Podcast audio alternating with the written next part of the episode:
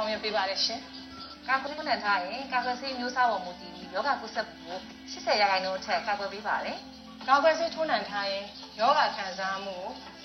ကို65ရာခိုင်နှုန်းကျော်ကာကွယ်ပေးပါတယ်ဒါကြောင့်ကာကွယ်ဆေးထိုးနှံဖို့အဓိကကြပါတယ်ကာကွယ်ဆေးထိုးနှံထားရင်ခန္ဓာကိုယ်ထဲမှာအသင့်ရှိတဲ့ပရိပစ္စည်းတွေကဗိုင်းရပ်စ်ကိုတားဆီးလိုက်တာကြောင့်ယောဂကြောင့်သေဆုံးနိုင်မှုနှုန်းကိုကျဆင်းသွားပါတယ်ကာကွယ်ဆေးထိုးထားရင် မတော်တဆပုံးဝင်သွားရင်တော့မှ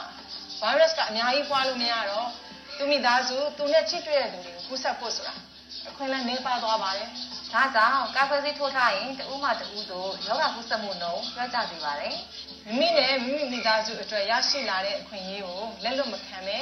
ပါဝင်ထိုးနှံကြပါစို့။အားလုံးကာကွယ်ဆေးထိုးနှံပြီးရင်ကိုဗစ်ကုသနိုင်မှုကင်းစင်သောပတ်ဝန်းကျင်ဖြစ်နေ့စဉ်ဆောင်ရွက်ဖွယ်ကိစ္စတွေမှာစိတ်ချယုံကြည်စွာနဲ့